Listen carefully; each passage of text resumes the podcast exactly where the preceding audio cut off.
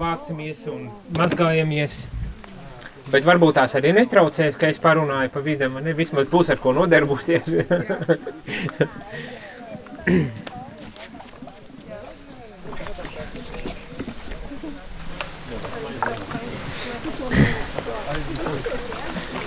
Līdzīgi kā vakar, mans tāds, es parunāšu kādu brītiņu, un tad varbūt tās kādi jautājumi, ja būs, tad varēs uzdot. Un līdzīgi kā vakar, visdrīzākais es vienkārši varēšu pateikt, ka jā, ļoti sarežģīti un labs jautājums, un var domāt, un vajag domāt, bet uz šobrīd es neesmu spējīgs atbildēt. Bet šodienas tēma ir brīvība. Jā, tieši tā. Uh, es jau tā domāju, uzdošu jautājumu, varbūt tās, kas īsti ir brīvība. Bet ar nospriedu, nu, ko es tur jautāšu.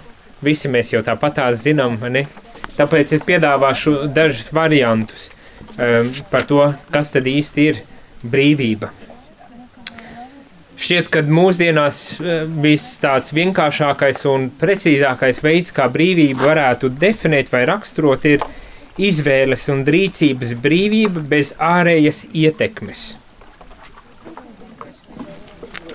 Izvēles un rīcības brīvība bez ārējas ietekmes, un tas skan ļoti labi, jo principā nozīmē, ka mēs balstāmies tikai sevī, tajā, kas, ko mēs vēlamies, kā mēs vēlamies un tā tālāk. Bet uh, baznīca un ticība aicina paskatīties uz brīvību vēl nedaudz niansētāk. Ja mēs varam piekrist šim pirmajam apgalvojam rīcības un, un izvēles brīvību, tad baznīca pievieno klāt, ka tur ir jābūt arī mērķtiecībai, kaut kādai mērķtiecīgai orientācijai. Ja citiem vārdiem varētu teikt tā, ka kā ticīgam, kārtīgam cilvēkam Dievs ir brīvība. Mm? Tātad izvēles un rīcības brīvība, kurai ir mērķtiecība, un kā ticīgam cilvēkam tas, kas nodrošina šo brīvību un garantē mūsu brīvību, ir Dievs. Un varbūt tās tas arī šķiet tā drusku nu, jokaini, bet kristietība ir brīvības reliģija. Hmm? Visdrīzākais, ka mēs tā klausījāmies vakar par celibātu un tādām lietām, un tad nospriedām, jā, nu, tur ir priekšraksts aiz priekšraksts. Tu nevar zināt, ko drīkst vai ko nedrīkst, un kā drīkst un kā nedrīkst, bet pamat, pamatos kristietība ir brīvības reliģija, brīvība no, no grēka, brīvība no visa tā, kas mūs varbūt tās saista, brīvība, lai mēs varētu dzīvot vairāk, plašāk, dziļāk. Hmm? Tātad baznīca piedāvā uzlūkot brīvību jau ar tādu, um, um, nu, ja var teikt, nosacījumu vai, vai, vai raksturojumu, um, kādā veidā mēs varam uzlūkot šo brīvību. Hmm?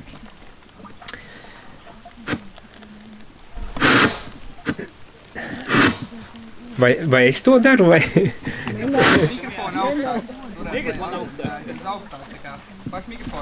ah, šitie. Šī skaidrs, paldies, paldies. Citādi es domāju, ko es tur daru. Bet eh, piedāvāšu vēl dažus veidus, kā var paskatīties uz, uz brīvību un kas ir ietekmējis mūsu brīvību. Uh, pirms es eju druscītiņ tālāk. Uh, mūsdienu sabiedrība, kā jau es teicu, par vislielāko vērtību nosaka izvēles un rīcības eh, brīvība, kura ir balstīta eh, personīgajā vēlmē, vajadzībās, iegribās, bet iegribas šeit nedomāju ar tādu negatīvu obligāti nozīmi, bet nu, viss, kas izriet no mūsu pašu, no mūsu cilvēcības, no mūsu cilvēciskā rakstura. Un šo tādu perspektīvu lielā mērā ir notiekuši, protams, lieli domātāji. Un tāds, piemēram, Hjūms filozofs ir pat uh, izteicies, ka uh, uh, brīvība, ir tad, kad mūsu uh, saprāts ir pakļauts mūsu kaislībām. Ļoti skaļš varbūt tās izteiciens un pilnīgi noteikti neatbilst tam, kā mēs, kā kristieši, esam aicināti par to domāt. Vai uh, cits filozofs.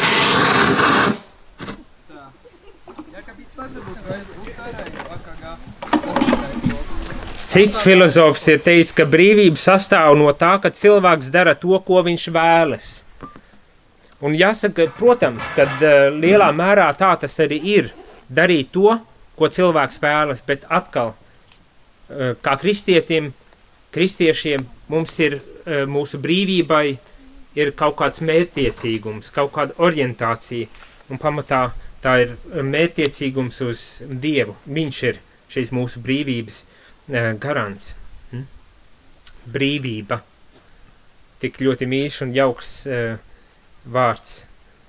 Mm. Un kad domājam par to, varbūt tās ne tikai tādā plašā mērogā, bet jau drusku šaurāk, varētu jautāt, bet kā man realizēt savu brīvību? Dievs un viss pārējais jau var šķist, ka ļoti pareizi un ļoti labi, ļoti jauki, bet kā man pašam manās ikdienas gaitās un dzīvē īstenot šo, šo brīvību, un tad gribas atsaukties uz to, ko mēs dzirdējām šajā rītā, uh, seko savai sirdī, dari to, ko saka tava sirds, un būs pilnīgi brīvs. Mm. Un kaut kādā mērā es domāju, nevis kaut kādā, bet pilnīgi var piekrist.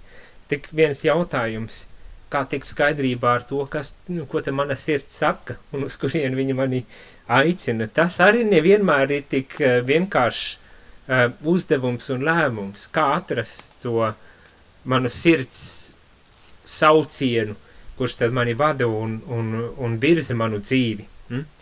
Jautājums tāds.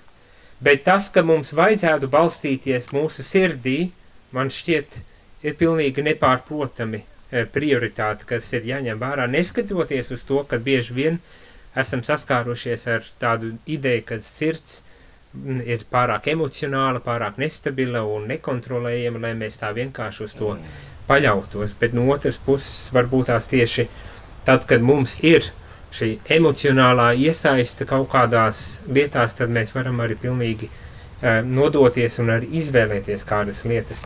Uh, viens veids, kā var paskatīties uz šo brīvību, ir atkal atsaukšos uz vienu no filozofiem, ir tas Žižeks, un viņš ir runājis, varbūt tās pat esat dzirdējuši par mīlestību. Angliski mīlestība sac, saka falling in love.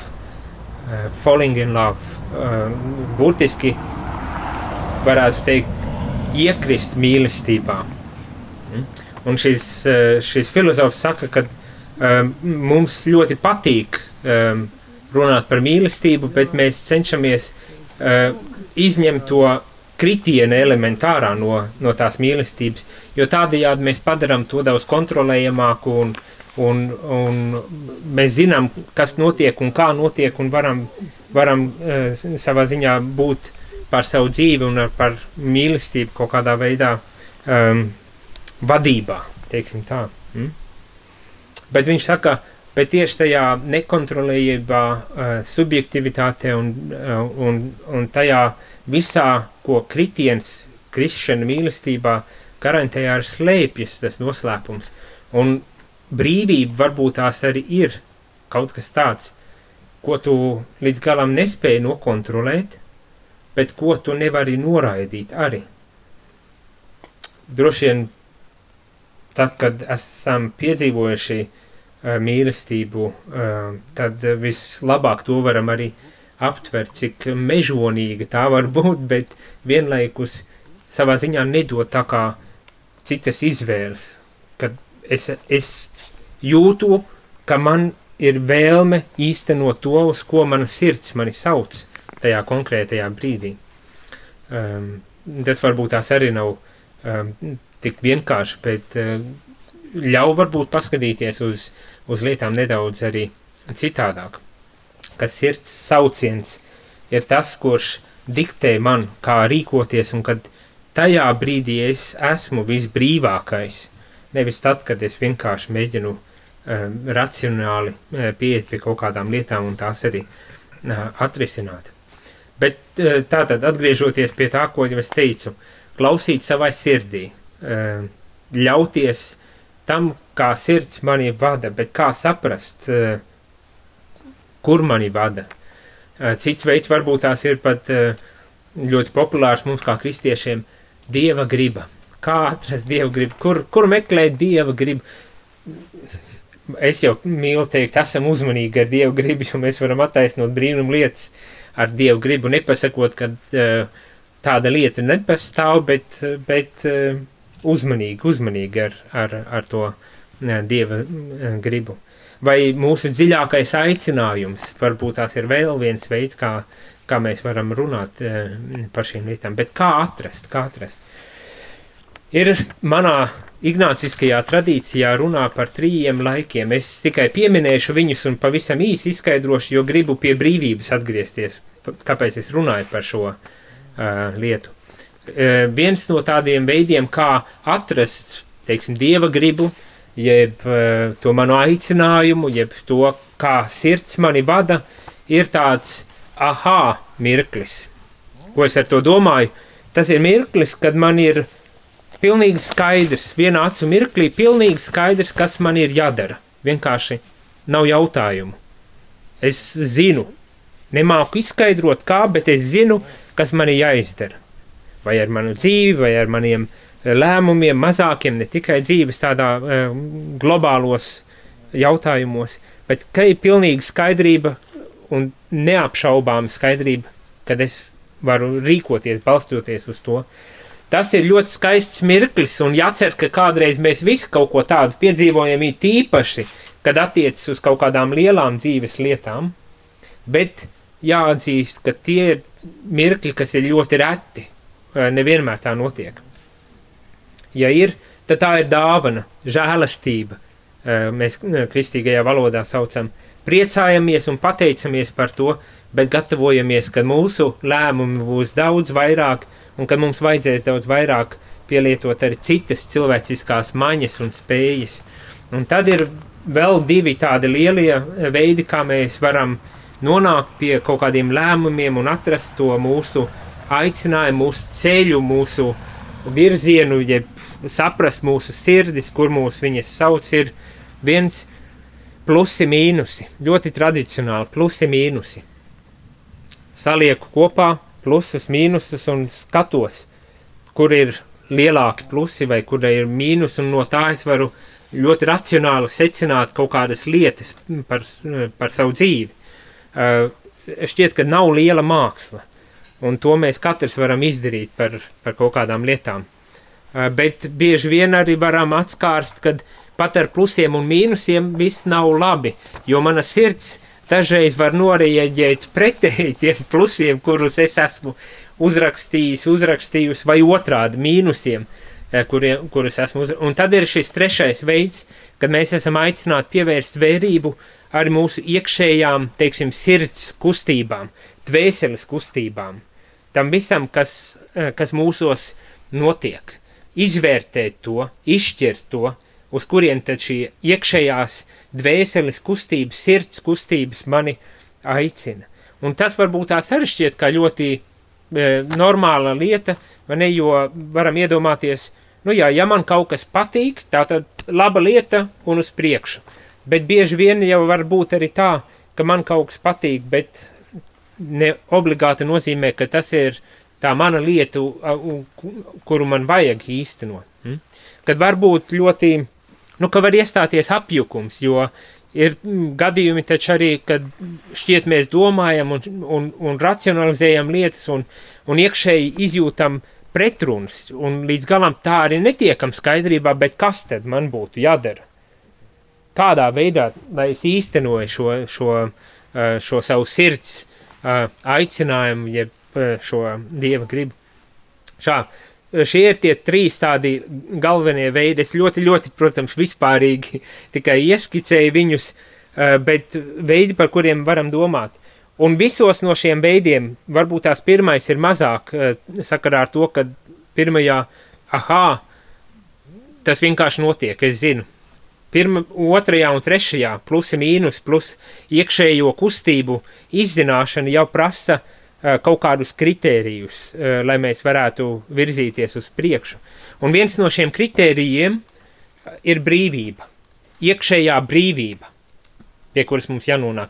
Ir citi veidi, kā arī var skatīties, vai citi veidi, kā definēt šo, ko es tikko nosaucu par iekšējo brīvību, par nulto punktu, par uh, uh, droši vien jūs arī uh, pēkšņi pazuda no galvas visi citi koncepti, vai ne, bet tas ir tas mirklis, kurā es atrodos it kā uh, nulles pozīcijā un varu brīvi izvēlēties vienu vai otru lietu.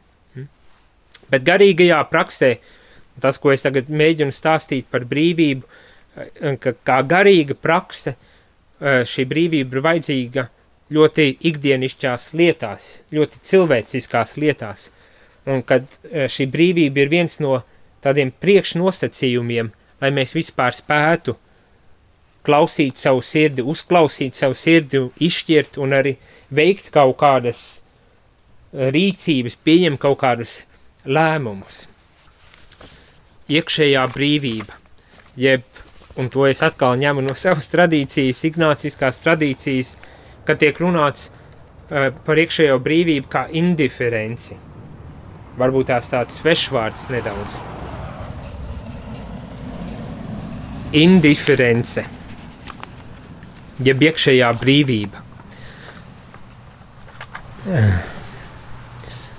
Tas uzreiz gan gribas teikt, nav varbūt tās ļoti prastā valodā pofigisms.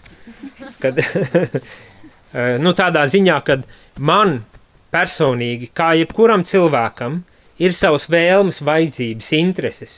Man ir viss cilvēciskais, man tas viss ir. Un tas ir normāli. Ja nav, varbūt tās jāiet pie ārsta, jānoskaidro, vai nav depresija, jo tas arī var būt par iemeslu, kāpēc es varbūt neizjūtu ne kaut ko. Bet pamat, pamatos Dievs mums ir devis šo spēju, un, un viņš mūs arī iedvesmo, dod šīs iekšējās kustības. Nu, par iekšējām kustībām, kad es runāju, tad es domāju, piemēram, prieks, iepriecinājums, kaut kāda enerģija, aizkustinājums, vēlme, interese – Mm? Arī šādas lietas ir iekšējie kustinātāji mūsos, bet tikpat lielā mērā ir arī neapmierinātība, dusmas, aizvainojums, um, kaut kādi iekšējie ievainojumi, kaut kādas attiecības, kuras varbūt tās līdz galam nav sakārtotas, kaut kādas pieķeršanās um, un tādas lietas. Mm? ka tas viss ir kā tā, tā iekšējās kustības, kuras mēs esam aicināti tad, uh, vērot, novērot, bet vienlaikus atrast šo indiferenci, jeb to iekšējo brīvību, lai mēs nepakļautos uh, šīm vienkārši impulsīvām iekšējām kustībām, kuras nāk un aiziet. Bet lai mēs spētu varbūt tās iepauzēt, uzdot sev jautājumu, no kurienes nāk kaut kādas šīs iekšējās lietas, un tad ir uz kurieni vada šīs iekšējās lietas. Bet pats galvenais, šis iepauzēšanas mirklis, šī indiference, mēs nekad nebūsim brīvi no tā, ka mums kaut kas patiks vairāk kā kas cits, ka mums kaut kas vairāk interesēs kā atkal cita lieta. Bet atrast to mirkli, lai tā mūsu vienkārši patika nebūtu viss, kas nosaka uh, mūsu izvēles. Mm? Lai mēs atrastu sevī šo spēku un enerģiju, savā veidā distancēties no tā, izvērtēt, kā teikt, saprast, no kurienes nāk un uz kurienu vada, un tad pieņemt lēmumus. Mm? Tas nenozīmē, ka šī brīvība būtu tāda, kurai nav nekādas uh, ietekmes. Jūs, kā ikvienā jautājumā, mēs balstāmies uz kaut kādiem faktiem, uz kaut kādām izjūtām, pieredzēm, zināšanām, un tas viss ir labi.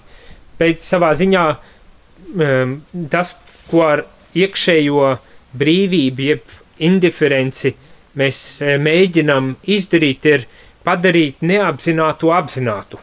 Nu, psihologi runā šādā valodā, vai tas mūsu slavenais Freids vai, vai kādi citi, vai ne? Padarīt to, kas ir neapzināts, apzinātu, lai mēs varētu jau pieņemt lēmumu brīvāk.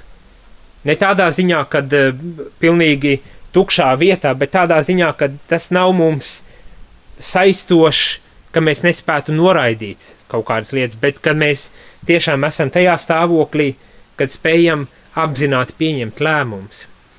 Um, brīvība padarīt neapzināto apzinātu, lai mēs varētu tad arī uh, pilnīgi brīvi izdzīvot uh, savu dzīvi. Um,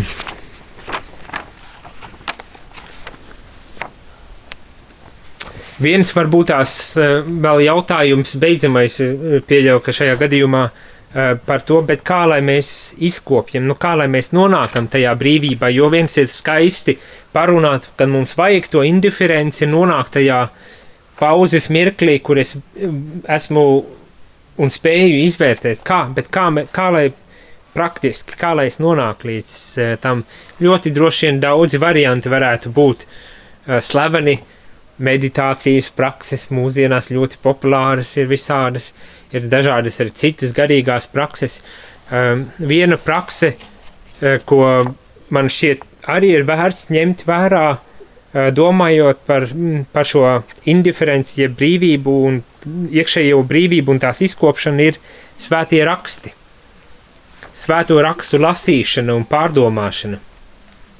Ja gribas teikt, var teikt meditācija ar svētiem rakstiem, kad mēs uzlūkojam Jēzus dzīvi, Jēzus ceļu, un savā ziņā konfrontējamies ar, ar, ar, ar šo stāstu, ar Jēzus stāstu, ka mēs ļaujamies, lai mūs izaicina šis stāsts, un kad mēs šajā izaicinājumā savā veidā trenējamies, mācamies būt brīvi. Nevis vienkārši uh, iegūt kaut kādus šablonus, pēc kā mums būtu jāuzvedas un jāizturas, bet uh, caur šo iekšējo konfrontāciju, ko mēs piedzīvojam, lasot uh, Bībeli, uh, mācīties šo brīvību, iekšējo brīvību no Jēzus. Uh, un ļauties, lai varbūt tās šajā gadījumā arī šie svētie raksti un Bībele būtu tas, kas arī savā veidā informē mūs, ar, um, uzrunā mūs, um, kaut kādā mērā arī māca mūs, um, kad domājam par kaut kādiem lēmumiem un izšķiršanos mūsu dzīvēm. Tā, es domāju, šeit es likšu punktu. Būs gana. Uh, parunāju. Ja gadījumā ir kādi atkal uh, divi, trīs jautājumi, es varu mēģināt uh, atbildēt. Ja nav, tad, tad šis skaistais pēcpusdienas uh, laiks būtu uh, tam, lai mēs dotos tālāk. Aija kaut ko grib teikt. Ā, nepaspējām izgulēties. Tas bija mans nodoms. Kādi jautājumi? Varbūt tās pat arī vienkārši refleksija no jūsu puses, bez jautājumiem. Padalīšanās ar jūsu pieredzēm. Nav. Jādomā, ka nesapratām, par ko viņš te runāja. lai vai kā, lai vai kā, es domāju, te mēs tad arī noslēdzam un, un varam krāmēties un doties tālāk mūsu ceļā. Skaisti, ka Dievs dod iekšējo brīvību, jā. Jā, un tas arī parāda, ka mēs esam radīti pēc Dieva tēla līdzības, Dievs ir brīvs, līdz ar to, nu, tas ļoti ar to tēmu saistīts. Mēs tā kā brīvi, nu, ka Dievs arī ļautas izvēlēt. Jā, jo ši, šito es otrā katehēzi un aizmirst, ka man jāpiemin ir te, mūsu katehēžu cikla tāda galvenā tēma radīta pēc dieva attēla un līdzības.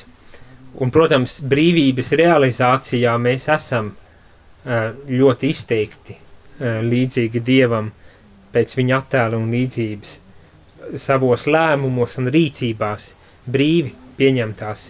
Mēs tādi varam būt. Varbūt tās, kur ir tā robeža starp eh, to brīvību, ko Dievs mums dod, un tomēr ir jāsako viņa gribai.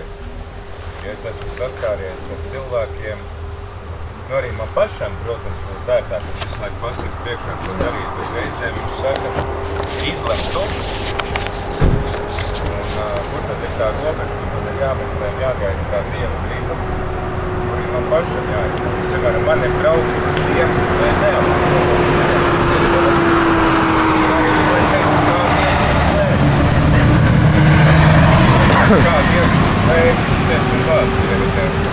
Tad, ja pareizi sapratu, ja pareizi sapratu, uh, kurā brīdī man būtu jāpaklausa Dievam un kurā es varu pats pieņemt lēmumu?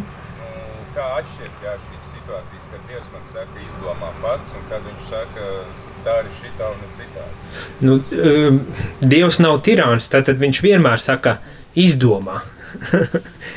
Savā ziņā, vai ne?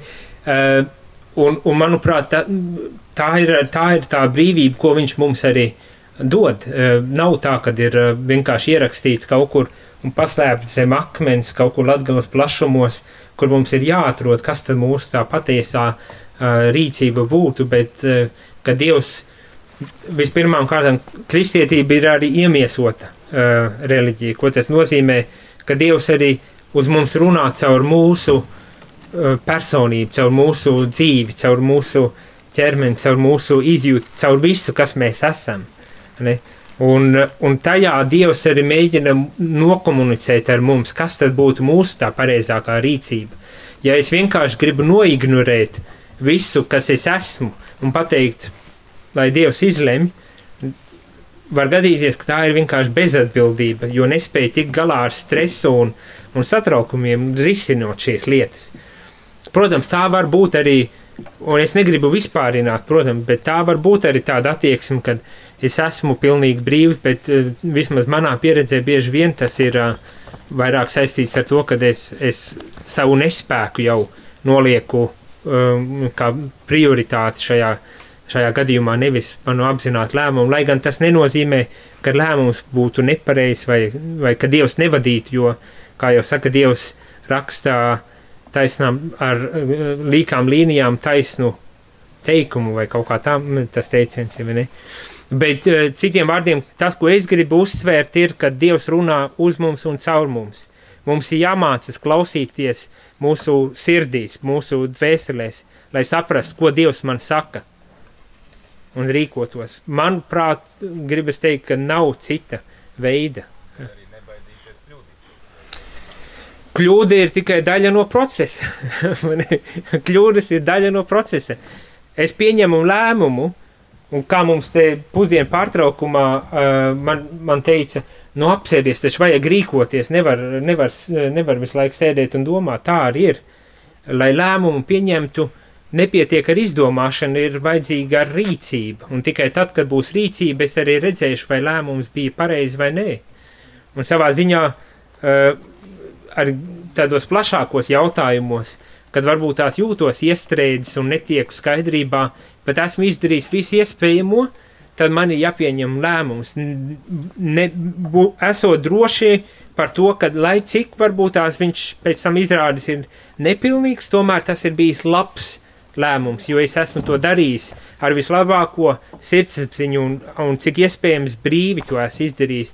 Un esmu meklējis, ka Dievs mani uzrunā un ka Dievs mani vada. Un pat tad, ja gadās vai izrādas, ka šis lēmums nav perfekts, nav pilnīgs un varbūt tās tāds, kur es negribu, tad es varu iet atkal šo procesu ar lielāku izpratni un varbūt tās pieņemt jau daudz brīvāku lēmumu un daudz labāku lēmumu uh, um, priekš sevis. Ne?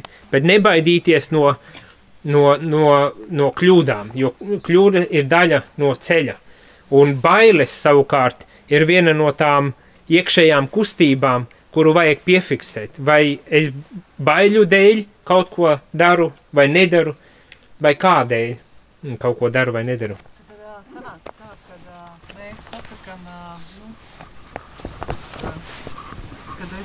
Nu, gribu nu, darīt tā, kā nu, pēc dieva gribas, nu, rīkoties savā ziņā. Es tā kā nobremzēju to brīvības dāvanu, ko Dievs manī ir ielicis. Es, es viņu padaru šaurāku.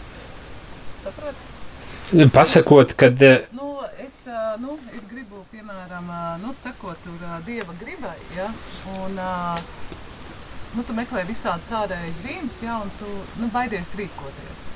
Ja, un uh, savā ziņā tu visu laiku gaidi to zīmi, zīmi, zīmi, tu neko nedari.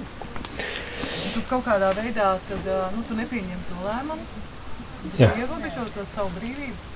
Nu, nu, to izvēles brīvību. Es gribēju teikt, ne. man liekas, ka ir vajag runa par atbildību, tāpēc, kad Nu, es te, nu, iet runa, tas, ir, tas ir, vai tu gribi uzņemties atbildību arī kaut ko par saviem lēmumiem, Jo no vienas puses ir vieglāk, ja, nu, ja tur kaut kas notiek, tad uz, uzvērt to atbildību arī uz Dievu. Mm. No vienas puses, un es nu, kaut kādā veidā man liekas, tas ir tas, jo, piemēram, man visu laiku ir bail uzņemties atbildību kaut ko savā dzīvē. Un es domāju, ka šo man vajadzēja mikrofonu jums padot, lai to visu varētu labi dzirdēt, bet pilnīgi noteikti tas ir par atbildību, tas par bailēm, par savu, savu lēmumu novelšanu uz kaut ko citu, bet arī jo mēs kā kristieši esam aicināti meklēt dieva gribu, un, un tas, kad es ar pilnīgi tīru sirdsapziņu saku, es gribu pildīt dieva gribu, un es gaidu kaut kādu uh, zīmi, tas ir pilnīgi normāli.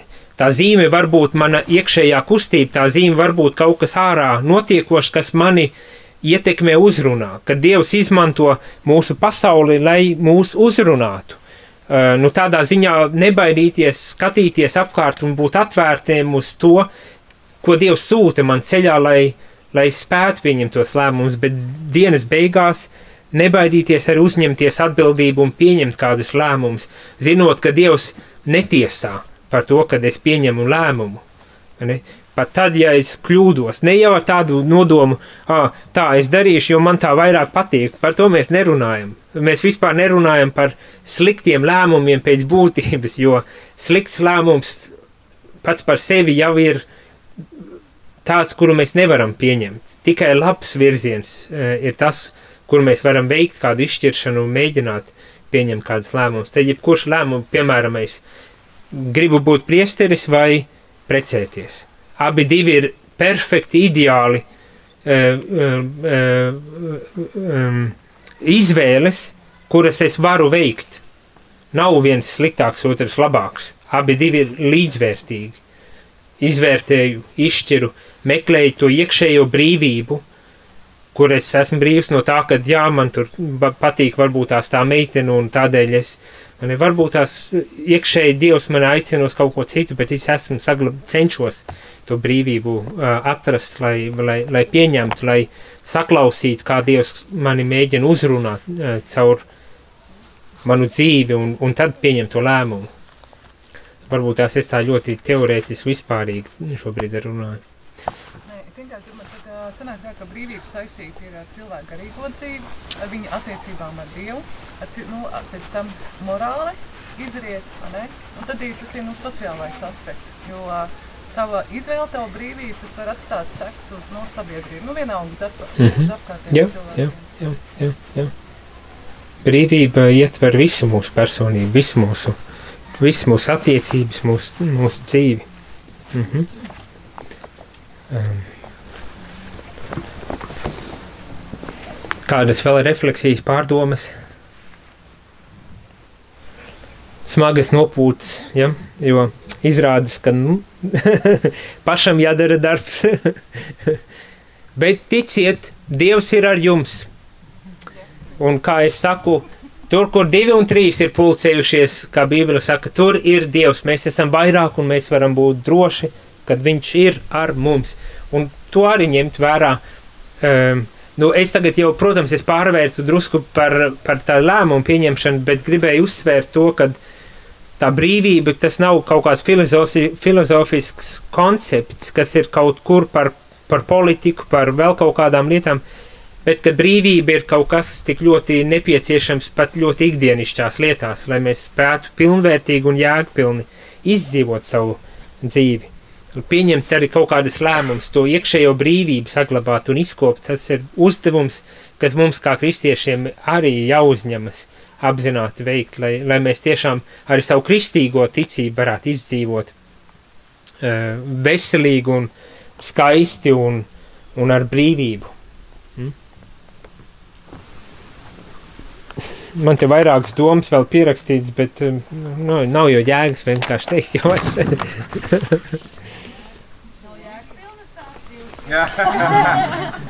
es, es ceru, ka ir jēgpilnas.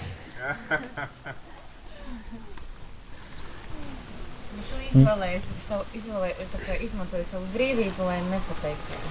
Jā, es vienkārši tā brīvi pierakstīju un tad centos atcerēties, ko es, par ko es gribēju runāt un, un brīvi runāt. Bet viena no tādām atziņām brīvība ir apziņa par nepieciešamību. Marks, Kārls Marks, ļoti slavens garīgs autors. to es ar joku. Bet brīvība ir apziņa par nepieciešamību. no latviešu valodas. Tas ir tas, ko, ko es mēģināju ar Žižeku, piemēram, principā, pateikt, kad tā mūsu nepieciešamība, tāda dziļā nepieciešamība, kas izriet no Žižeka gadījumā, uh, motivē mīlestība, bet tāda mīlestība, kur es vienkārši nespēju noraidīt, ir tas, uh, kas man vada arī nepieciešamība, tāda nepieciešamība, kuru es nespēju noraidīt, varbūt varbūt jau uh, savu veidu brīvība. Um, tas no vienas puses izklausās, ka nav brīvība, jo man es esmu pakļauts kaut kādai nepieciešamībai, bet no otras puses um, šī nepieciešamība, nepārvaramā nepieciešamība, varbūt tās tā varētu nosaukt, ir iespējams lielākā brīvība, ko mēs varam iegūt. Nepieciešamība ticēt, varbūt tās. Bet tā ir mana refleksija. Kārtība bez brīvības, tāpat kā brīvība bez kārtības, var būt postošas. Kārtība bez brīvības, tāpat kā brīvība bez kārtības, var būt postošas. Uh, nu, nu, kārtība šeit ir tas, ko es sākumā teicu par, nu, kad ir mērķtiecīgums, virziens, orientācija uh, arī brīvībai, ka tā nav vienkārši balstīta es gribu un uz priekšu, bet kad e, šai brīvībai ir noteikts saturs, kādā mēs ejam uz, uz priekšu, īstenojam šo savu brīvību. Un kad tātad šī brīvība, ja viņai nav nekāda mērķtiecīguma, var būt tikpat postoša kā tad, ja mums ir nežēlīga kārtība, bet nekādas brīvības e, dotas. Paldies! Līdz nākošajai reizei!